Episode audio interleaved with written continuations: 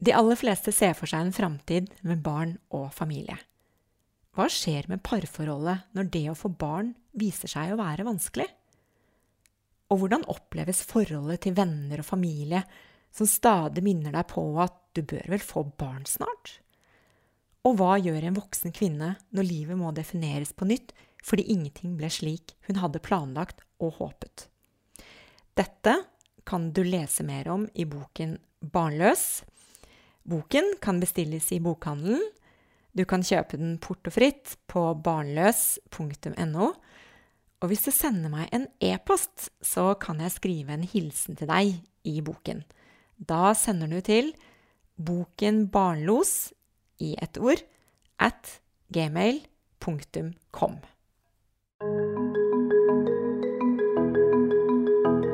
Dette er en podkast om barnløshet. Jeg ønsker å finne svar på hvorfor temaet er så viktig for oss. Jeg vil grave frem fakta på området, og ikke minst dele de viktige historiene bak. Jeg er Cecilie Hoksmark, og mitt mål er større åpenhet. Jeg vil gjerne ønske deg, Trine Giving Karlstad, hjertelig velkommen. Tusen takk.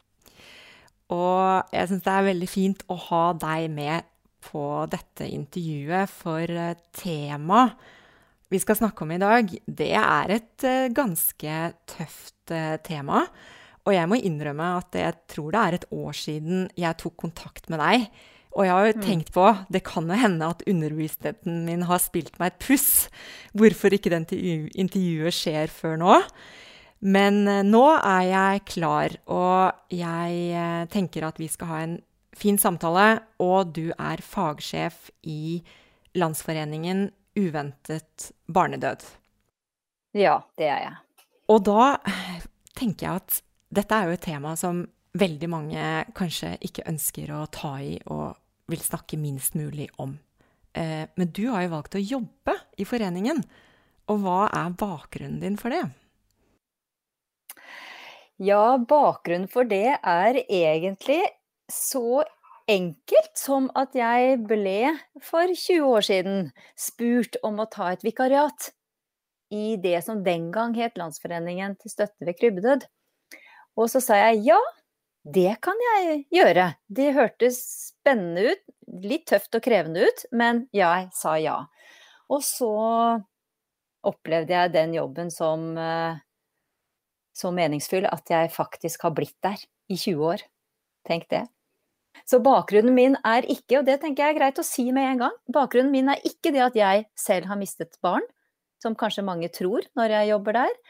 Det er eh, ikke det. Jeg har i dag to voksne barn, men jeg har hatt da små barn underveis i denne jobben, og har kjent på frykten for å miste, men aldri mistet.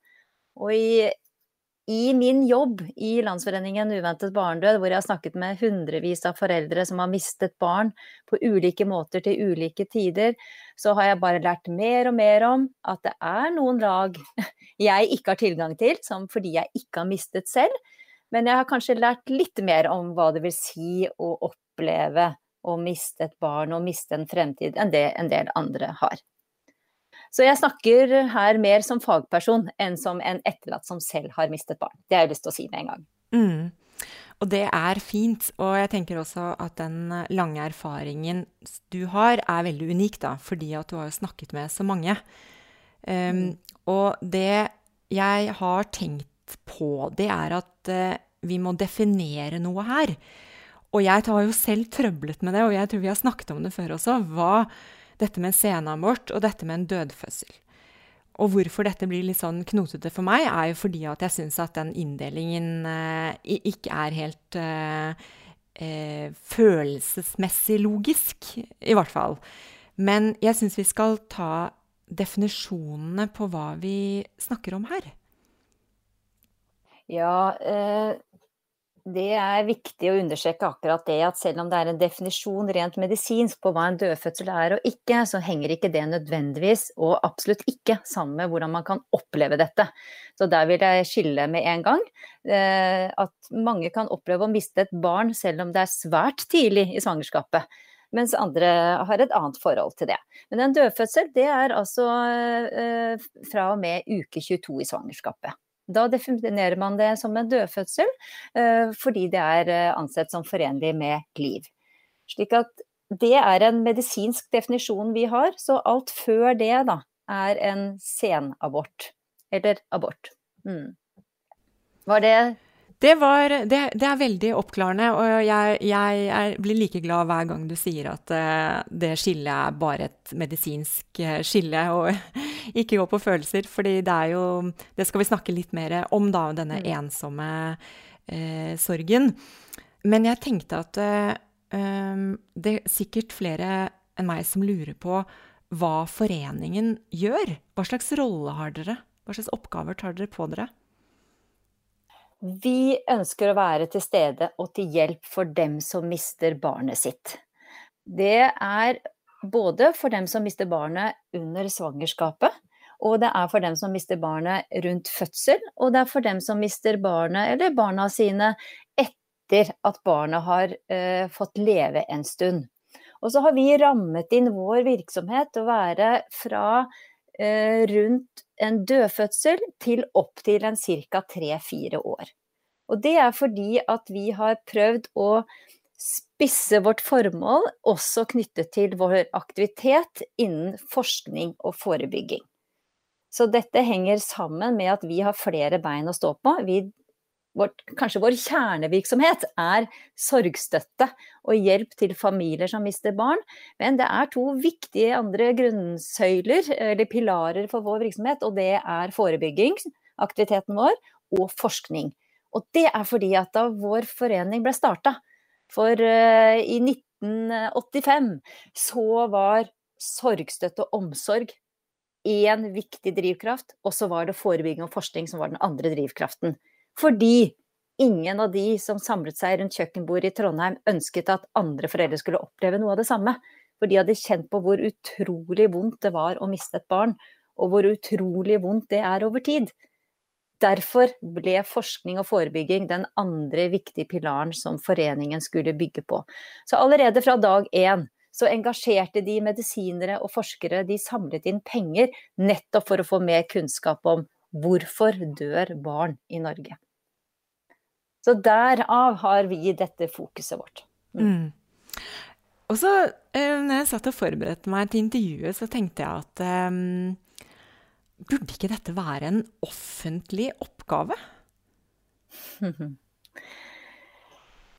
Ja, en viktig del av vårt arbeid er jo også å påvirke det offentlige hjelpeapparatet til å yte best mulig støtte og hjelp, både når det skjer akutt, men også over tid. Så vi har hatt det som et fokusområde hele veien, og har f.eks. bidratt med Da vi hadde krybbedødsepidemien i Norge, så hadde vi eh, krybbedødspermen. Det var altså retningslinjer som alle norske sykehus fulgte når et barn døde plutselig uventet utenfor sykehus og ble brakt inn på sykehuset. Vi fikk til at alle ble skrevet inn på sykehuset nettopp for å sikre oppfølging videre over tid. Og nå har vi gjort det samme med dødfødsler. At vi har eh, laget eh, prosedyrer for hva skjer når et barn dør i dødfødsel. Og da er det fra uke 22 disse prosedyrene gjelder. Og er jo da prosedyrer som blir brukt på ca. 200 eh, dødfødsler i Norge i året. Så vet jeg at disse prosedyrene også brukes før uke 22, når man føder et dødt barn. Fordi det er jo mange, mange likheter her. Så det er f.eks. to sånne helt konkrete ting vi har gjort for å påvirke eh, det offentlige hjelpeapparatet. Men da hører du jo selv at det er en frivillig organisasjon som har pushet på at dette skulle eksistere, fordi vi er opptatt av at foreldre og familier må få i hvert fall en sånn minimum av oppfølging. Og den skal være lik uansett hvor det skjer i landet. Skulle gjerne sett at det offentlige hadde tatt enda mer ansvar på, på dette. Samtidig så er det jo en drivkraft da, i frivillige organisasjoner som kan være litt plogspiss for å endre eh, forholdet i samfunnet. Og der ser jeg at vi har vært med og gjort viktige endringer. Som i hvert fall har eh, gitt bedre oppfølging til familier eh, som mister barn. Men vi har fortsatt et stykke igjen å gå. Definitivt. Ja. Når du snakket om eh, dette med støtte til de som eh, gjennomgår, eller de som mister barn, så um, har jeg lyst til å snakke litt om noe som jeg selv har kalt for en ensom sorg. Ja. Og jeg tror ikke det bare gjelder meg. Jeg tror nok at dette er noe som eh, gir gjenklang i andres ører også. Men kan du mm, dele med oss hva slags eh, typiske følelser og tanker man sitter igjen med? Ja, vi hører mye om følelser og tanker som går igjen. Altså mye av din den Du snakker om ensom sorg, og ja, for mange er det en ensom sorg og en opplevelse av annerledeshet når man ikke kan uh, få følge barnet sitt. Og få oppleve å dele livet sitt med et barn, eller barn man hadde planlagt et liv rundt. Hele fremtiden må jo omdefineres når et barn dør. Enten det er under graviditeten eller det har fått levd noen få minutter, timer, måneder eller år. Så må jo hele fremtiden defineres. Og du må også selv eh, kanskje tenke mye igjennom hvem er jeg nå? Hvem skal jeg bli nå? identitetsspørsmål, eksistensielle spørsmål, de er store. De blir veldig aktualisert når du mister et barn. Fordi det å føre slekta videre, det å bli mor, er for mange kvinner en stor del av identiteten. Og, og når disse store spørsmålene er reist, så kan man også snakke om de, de typiske kanskje følelsene som kan kjenne alt fra sorg og sinne, misunnelse, fortvilelse Alt dette er veldig sånne kjente reaksjoner. Og jeg har lyst til å understreke med en gang at dette henger sammen med veldig kroppslige uttrykk også. At det er altså tanker og følelser og kroppslige reaksjoner, de henger så sammen, og alt dette skjer i mennesker, opplever jeg, som mister et barn. Det, eh, og det er et sammensurium av dette, og det er et veldig fremmed felt for mange. For de visste ikke at de kunne kjenne på den følelsen. De visste ikke at de hadde evnen til å bli så sint eller så lei seg.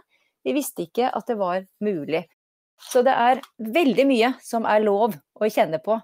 Og så er disse reaksjonene viktige. For sorg og smerte etter at et barn som man hadde gledet seg til, når det dør, så er det veldig viktig å få lov å reagere. Derfor så må du på en måte gi det en plass, da, tenker jeg, for å kunne få bearbeidet og prosessert dette. Fordi Sorg har en funksjon. Det er en helt naturlig, instinktiv reaksjon på en vond hendelse i livet. Så jeg vil fremsnakke sorg, ennå så vondt og forferdelig smertefullt det er, så vil jeg fremsnakke at sorg blir eh, tatt imot og få lov til å få plass i relasjoner du har, fordi det er veien til å leve igjennom dette, eller finne en måte å leve videre på uten det barnet eller de barna du hadde ønsket så sterkt. Mm. Og det er kanskje akkurat det som er vanskelig for andre å forstå, at det faktisk er noe som du så tydelig har sett for deg hva skal bli, mens eh, det barnet som eh, bare levde i magen, det er det jo ingen som har blitt uh, kjent med. Så mm. Og det er jo akkurat der den ensomheten kommer inn. Det er derfor ritualer kan være så viktig, ikke sant. At når du Hvis du Litt avhengig av hva du selv ønsker. Så jo, men så er jo prosedyrene nå, i hvert fall fra uke 22, jeg vet det også gjøres før uke 22, at du får tilbud om å møte barnet ditt. Når du har født det døde barnet ditt, så får du tilbud om å møte det. Og hvis du ønsker det, og mange foreldre setter pris på det. For vi vet jo at er, døden ender et liv, men ikke en re relasjon. Du har jo begynt å knytte deg til dette barnet. Du har begynt å identifisere deg som foreldre. Så det å, å få møte barnet og skape en tilknytning og få skapt noen minner, det, dette er det eneste du kanskje får anledning til å gjøre sammen med barnet ditt. Eller med barnet ditt. Ta bilder. Bare sett hvordan han eller hun så ut. det er en måte å, å skape en tilhørighet. Men dette er det bare du, eller du og din partner, som kanskje gjør. Kanskje et søsken. Det er jo ingen andre som har fått møtt dette barnet. Og derfor så blir det jo så ensomt, for dette barnet har ikke eh, eksistert for andre. Og dermed blir dette veldig ensomt for mange, for de har ikke fått delt barnet med andre. Andre har ikke fått blitt kjent med dette barnet. Og da kan man streve med foreldrerollen, at man faktisk er blitt foreldre. Men man har ikke et barn her. Man har ikke et barn man kan dele med andre. Slik at det kan være veldig vanskelig for andre som står rundt, å begripe at du er endret for alltid, fordi du er blitt mamma. Mm. Uten å ha et barn du kan vise frem og praktisere mammarollen med. Ja. Og da øh, tenkte jeg også vi må også snakke litt om de menneskene som står rundt, øh, om man sier at det er pårørende, men vi kan jo si øh, foreldre, venner, øh, kollegaer. Det er jo en Hva skal jeg si Hvis foreldre dør, så er det lettere å gå bort og si kondolerer. Ja. Fordi det er eh, noe som, som, skjer i samfunnet vårt hele tiden, og en, en eh, Ja, hva skal jeg si na Naturens gang, eller man kan bruke sånne ord. Mm. Men når dette skjer, så er det akkurat som folk mister litt munn og mæle. Ja. Eh, og, det, og jeg syns ikke det er noe Jeg syns ikke det er noe rart at dette er vanskelig. Men det kan jo tenkes at du har noen eh, gode tips og råd til hva folk eh, burde si, og, og, kan si, som vil være en, en støtte? Ja, eh, jeg har lært veldig mye av alle de samtalene jeg har hatt med både mammaer og pappaer som mister et barn. Og det jeg har lært, det er bl.a. at det er ikke farlig å spørre. Jeg får ofte tilbakemelding på at jeg tør å spille, stille de spørsmålene ingen andre stiller. Og det er kanskje noe vi skal ta med oss. At det er, det er omsorg å vise interesse. Og være litt nysgjerrig på hvordan var dette for deg? Har du lyst til å fortelle litt om hvordan det var å føde dette barnet? Altså, for mange er det helt sånn Spør du om det, så fint at du har lyst til å spørre om det. For er det noe vi kvinner vi snakker om, så er det jo fødselsopplevelser. Og så tør man ikke å nevne ordet fødselen med de som har mistet barn, f.eks. Så det å gi dem anledning til å fortelle om hvordan møtet med deres barn var, hvordan selve opplevelsen var, det er faktisk lov. Og det kan kjennes fint ut å bli spurt. Og så kan man heller si at å, vet du, akkurat i dag orker jeg ikke å snakke om det. Da har du vist interesse. Så våg å spørre, våg å bry deg. Våg å være nysgjerrig på en, en hensynsfull eller empatisk måte. Og så og gi dem anledning til å snakke om det. For jeg tenker at hvis du ikke snakker om det, så eh, bagatelliserer du den opplevelsen som har satt så innmari dype spor. Så det å anerkjenne at dette har gjort noe med deg, og spør litt hva har det gjort med deg? Kan du fortelle om hva dette har betydd for deg? Hvordan har det endret deg? Tenker du på det ofte? Hvordan, hva tenker du på da? Hvem ville dette barnet ha vært for deg? Hvem ville du ha vært sammen med dette barnet? Så det å våge å spørre om litt sånne ting åpner opp for en, ofte for en veldig fin samtale. Og så tenker jeg at veldig mange jeg møter, i hvert fall, de har gitt barnet navn. Det er lov å bruke barnets navn. For det gir barnet personlighet. Det gir barnet en identitet, og det gjør at barnet virker mer virkelig. Jeg vet ikke om du kjenner igjen det selv? Men det, dette er litt forskjellig, tror jeg, fra person til person. Ja. Um, jeg kom ikke Jo, jo da, jeg har, jeg har, jeg har jo faktisk noen navn. Jeg, jeg, kanskje jeg skal fortelle lytterne kort om min historie, da, i og med at ikke det er helt kjent. Men jeg mistet jo trillinger i uke 17. Og det opplevdes uh, veldig um, voldsomt, fordi at uh, magen var jo allerede stor, og hormonene og alt var jo et, en veldig belastning for kroppen. Og um, jeg var allerede gått ut i permisjon, eller jeg var sykemeldt, og alt hadde begynt å planlegges i forhold til å få tre små barn. Så det er klart, eh, som du sa i sted, da, at livet At man på en måte har begynt å tenke seg en framtid med de barna. Helt opplagt. Jeg så de for meg. Jeg så hvordan det skulle være, hvordan man skulle komme seg fram med, med, med barnevogn Altså alle disse bildene som man kanskje Noen kan man jo le litt av også. Um, men det, det, er klart at um, du, det, er som om du kjente, kjente de. Det, det er tre personer Uh, og de har navn, de bare veksler litt med hva de heter. Etter, uh, men det er et veldig godt poeng, også, og det vet jeg faktisk ikke om jeg har sagt til noen før. At de har det. Ja. Så um, det var jo egentlig et fint spørsmål å få tilbake. Mm. ja var det noe mer jeg skulle ja. si? Nei. Er det du som intervjuer meg! Hva er rollebytte? ja, nei. Men, men det, det, bare viser noe om at med en gang du nå snakket om at eh, disse barna dine har et navn, så ble de plutselig ble de veldig synlige for deg igjen. ikke sant? Og disse er jo hos deg hele tiden. Men nå ble de enda mer tydelige for meg. Fordi de fikk et navn. Du har ikke sagt navnet, og det er helt greit.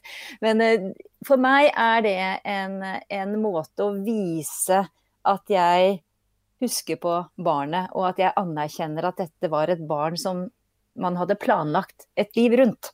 Mm. Så det er en, en, en måte å, å, vise det på, tenker jeg, og spørre om barnet fikk et navn, og bruke det. Og så bruker man kanskje merkedager eller 17. mai eller noen eh, høytidsdager til å adressere det, fordi at det er ofte eh, tider på året som kan bli, virke som et slags forstørrelsesglass nå kjenner jeg kanskje ekstra på noe jeg egentlig har med meg hele tiden, men akkurat i dag så forsterkes opplevelsen av at jeg kunne hatt tre barn hos meg nå som hadde feiret 17. mai, f.eks. For fordi det er barnas dag.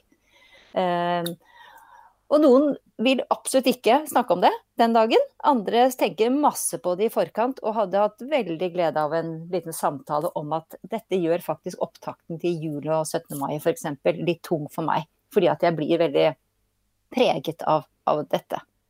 Men det å mm. kanskje få snakket om det én gang med en som du stoler på eller har tillit til, kan være så befriende. Da kan du feire den 17. mai på en litt annen måte, faktisk. Hører jeg mange fortelle. Og jeg har lyst til å dele det videre, for jeg tror på den effekten der av å få plass til å snakke om hvem disse var og skulle ha blitt for deg, og også få, få laget det rommet. Og få laget det rommet der du får lov til å minnes dem, snakke om dem, og være i det som også er smertefullt og vondt. Som avtar etter hvert, ikke sant. Men så kan du også bevege deg til det andre rommet som heter livet uten, som heter livet videre, eller som heter hverdagen her og nå. Hvis du har et eget rom til disse barna, så er det veldig mye lettere å pendle og gå ut og inn av dette, og kanskje kjenne på etter hvert litt mer sånn ekte tilstedeværelse og glede og, og, og lov, ikke skyldfølelse for at du ikke tenker på de, f.eks. For, for da har du på en måte funnet en, en måte å gjøre det på. For skyldfølelse er et viktig punkt her. Ja. Det er en veldig vanlig reaksjon. Takk for at du tok opp det. Jeg har notert det, men jeg hoppet eh, over det, ser jeg nå. Vi, for, vil du si noe mer om det denne? Det kan jeg helt sikkert. Ja, ja jeg, jeg, har lyst til å trekke den fram, for jeg merker at det er et tema som veldig mange snakker om. Og det er vondt. Det er kjempevondt. Og jeg tenker at det er en helt naturlig reaksjon. Jeg tror ikke jeg har snakket med en eneste en som ikke har en form for skyldfølelse når et barn dør.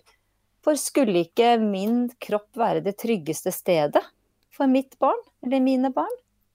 Og skulle ikke jeg som mamma eller som pappa være de som virkelig beskyttet barnet mitt? Og så har jeg sviktet her.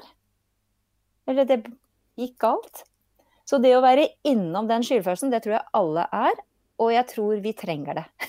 Jeg tror vi trenger å være innom den, og jeg tror vi trenger å få lov til å ha den og snakke om den, og så begynne å gå den i møte.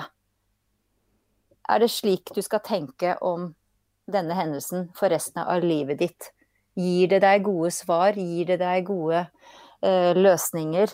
Har du det godt med å, å skylde på deg selv? Altså, det, man kommer til et punkt hvor man må jobbe med den skyldfølelsen. Og for mange så går det etter hvert gradvis over. Man erkjenner at Eh, barnet kunne ikke leve, eller barnet ble for sykt, eller det var noe som skjedde som jeg ikke har kontroll over. Det sto ikke i min makt å redde barnet. Jeg kan ikke leve barnets liv. Jeg kan ikke puste for mitt barn. Det må barnet klare selv. Så man kommer til et sånt punkt hvor, hvor, eh, hvor, man må legge skyldfølelsen bort, og noen må jobbe veldig med det. Men det er viktig. Jeg, jeg tenker at man skal anerkjenne at det er en helt naturlig følelse å få. Mm dette med det eksistensielle. For jeg har, tenkt, jeg har mistet mine foreldre, så jeg vet jo på en måte hvordan det er å miste noen som står deg veldig nær. Ja. Men det som jeg opplevde med å miste små barn som ikke fikk lov å leve eller komme ja, altfor tidlig, eh, mm. det var at det rørte mye mer i meg med med noe eksistensielt. Noe som handlet om uh, framtid, og handlet om meg. Det, det, var, så, det var, så, annerledes. Um, ikke bare fordi at uh, sorgen når man mister foreldre, så får man enorm Altså overlesset med kort og blomster og bisettelse, og det er ikke måte på hvordan man på en måte blir liksom tatt i vare på. Mm.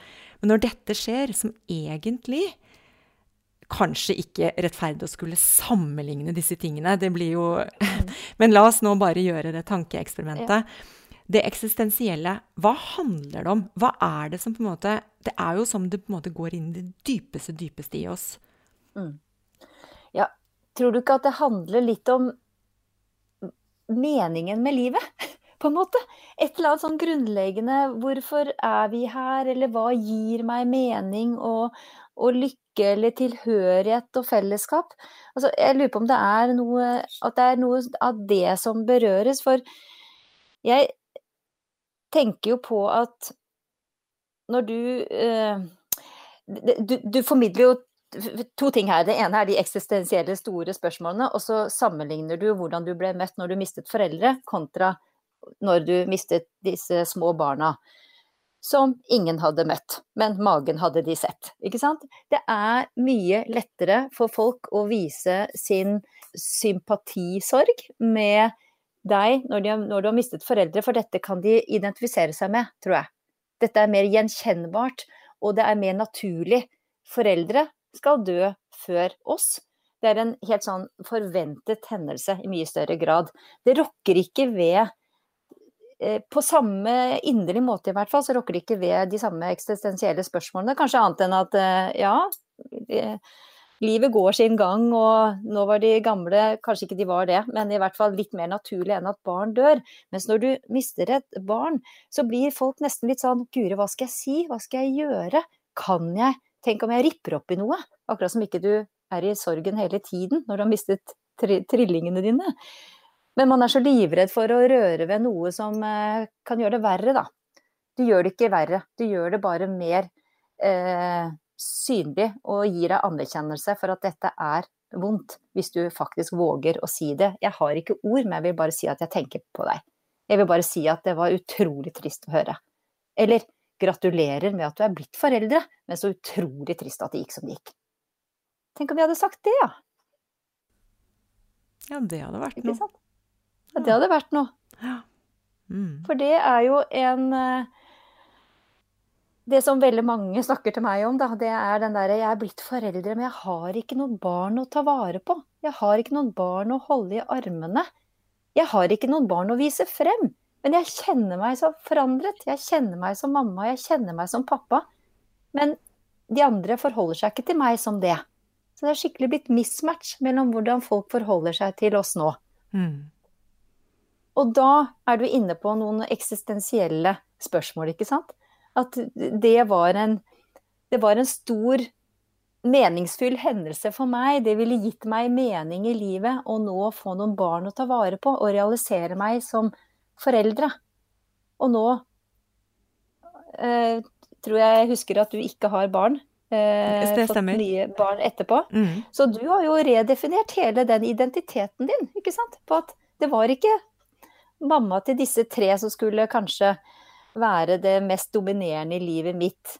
Selv om de er med deg hele tiden antageligvis, på sin måte, så er det andre ting du må åpne opp for som meningsfulle aktiviteter i ditt liv? Eller noe som gir deg lykke, gir deg mening, som, som gjør at livet oppleves fint og meningsfylt. Mm. Og det, det tror jeg Jeg har ikke stått i det selv, så dette vet du mye mer om, men det tror jeg er en skikkelig krevende jobb som tar mye tid og krefter. Mm. Og nettopp omdefinere dette. Mm. Og jeg tror eh, det tar eh, rett og slett mange år også. Jeg tror, ja. jeg tror um, tiden og avstanden må, må skapes. Um, ja. Ja. Uh, for at den aksepten skal på en måte få komme, og at man skal mm. akseptere at, de, at, det er noe som på en måte alltid kommer til å være der man bærer med seg. Men nå, se her. Her er det andre ja. ting som du skal få lov å glede deg over og som ja. kan gi deg uh, ja, tilfredshet i livet og glede. Mm. Ja, og jeg tror at det er, eh, det er, det er to komponenter her, som du sier. Minst to. Og det ene er at du må håper å si, ta tida til hjelp. Du må bruke tid. Du må gi deg sjøl lov til å bruke mye tid. Og samtidig er det veldig liten trøst å høre i begynnelsen, at tid er det eneste du har. Du har altfor mye tid til å sørge. Det er så slitsomt og vondt å sørge at det vil du ikke høre. Og det skal vi ikke si. Bare bruk tid. Nei, det er ikke en støttende kommentar, tror jeg. Det er å heller si at du, det tar sin tid å komme dit at du på en måte forsoner deg med at livet ble som det ble. Kanskje aksept er et vanskelig ord for mange. Jeg vil ikke akseptere at mine barn dør, men jeg må finne en måte å forsone meg med det, for det er slik livet er blitt. Jeg får ikke barna mine tilbake. Det er slik livet mitt er blitt. Så jeg må nå gradvis gjøre det jeg kan for å fylle livet med noe annet. Eller for å gi meg anledning til å skape andre meningsfulle aktiviteter i livet mitt. Og det krever tid. Men det krever også gradvis en vilje til å gjøre det. Ikke sant? Det er ikke sånn at det bare kommer til deg. Du må faktisk gjøre noe med det selv også. Og det tar litt tid når man på en måte er der at man kan gradvis begynne å ta de nødvendige valgene, de nødvendige skrittene for å skape en ny, normal hverdag igjen. Mm. Ikke sant? Om det er eh, Ja. Jo, det, det lyder kjent. Eh, og um, jeg bare smiler litt her nå, fordi dette prosjektet som jeg holder på med nå, da, som jeg har definert eh, til å hete Prosjekt åpenhet, eh, som er podkasten og det er boken, og jeg tenkte at jeg etter hvert skulle holde foredrag også. Um, det har jo blitt noe av det mer meningsfylte jeg kan gjøre. Uh, og det er jo litt absurd, da, ikke sant? for det hviler jo på en historie som jeg godt kunne vært foruten. Men uh, det, det, gjør faktisk det, altså. Og det forteller jo meg hvor enormt mye kraft det ligger i å sørge. Det ligger mye kraft, det ligger mye skaperevne, f.eks. Tenk hva du har skapt i kjølvannet av, av dette tapet. Tenk hva disse tre har betydd for ditt liv videre. De har satt så dype spor at du nesten ikke kan forstå det, ikke sant? Eller det gjør du kanskje, men i hvert fall så har de satt så dype spor og staket ut en ny kurs. ikke sant? Og det sier noe om det eksistensielle i dette. At det er så grunnleggende, det rører ved noe så dypt og grunnleggende i oss at det er ikke rart at det kan gjøre fryktelig vondt. Men det er heller ikke så rart at mange på sikt, over tid, etter kanskje mange år, sier at vet du hva, det har også kommet noe fint ut av det som var så fryktelig vondt. Jeg har fått kanskje nye relasjoner og venner. Jeg har kanskje fått nye opplevelser eh, i livet mitt. Jeg har kanskje valgt nye oppgaver, sånn som deg f.eks. Skiftet yrke. Satt mer pris på hverdagslige små gleder. Kjent på økt takknemlighet for det jeg faktisk har. Jeg bruker mer tid på de viktige relasjonene mine. Du har på en måte omdefinert litt livet ditt, hva du velger å bruke tid og krefter på. Det er det mange som sporer tilbake til en så livsomveltende hendelse som det å miste barn. Fordi man skjønner hvor dyptgripende det er, og hvor, ja, hvor, hvor skjellsettende denne her uh, opplevelsen er. Så det er ikke så uvanlig å høre om at det skapes noe fint ut av noe meningsfylt. Og det ser jo vi mye i, i Landsforeningen uventet barnedød. For en ganske stor andel av våre medlemmer, de blir ressurspersoner. Likepersoner, kaller vi det. De stiller seg tilgjengelig for samtaler og sorggruppeledere for nye som mister barn. Og det er meningsfylt, det. Det er en måte å være foreldre på til det barnet eller de barna som døde. Det er en måte å bruke litt foreldretid på det barnet de skulle ha vært foreldre til her på jorda. Det er en måte å hedre dette barnet på. Det er en måte å ha litt auroratid, f.eks. Ikke sant? Og det er så fint, og det er så meningsfylt for veldig mange av våre likepersoner. Og det er jo noe av det viktigste LUB gjør, tenker jeg. Det er jo nettopp å skape nettverk og skape fellesskap og tilhørighet med andre som selv kan si 'jeg vet noe om hvordan du har det', 'jeg kjenner igjen noe av det du snakker om', 'jeg vet at de aller fleste kommer til å få et bra liv igjen'. Det skal du vite. Og det er troverdig når noen som selv har stått i det, kan si det som kan sitte foran deg, gå sammen med deg og dele erfaringer, og faktisk si at 'jeg har et godt liv'. Ja, jeg har mistet et barn, og det gir en skygge på livet, men jeg kan ha disse følelsene samtidig. Jeg kan både ha glede og takknemlighet, men også et vemod og et savn. Det går side om side. Akkurat som det er plass til mer følelser. Akkurat som det er plass til mer spenn. Akkurat som det er plass til mer dybde etter en sånn hendelse. Og du ser det, og du anerkjenner det i større grad. Tusen takk. Jeg sitter og er uh, veldig rørt, men jeg er også glad fordi jeg syns at det var så mange fine ord. Og jeg håper at det er mange som kommer til å lytte til uh, denne episoden. Og uh, jeg syns vi skal runde av der, for jeg syns du oppsummerte det på en så utrolig fin måte. Så tusen takk, Trine, for et fint intervju. Tusen takk for at jeg fikk komme.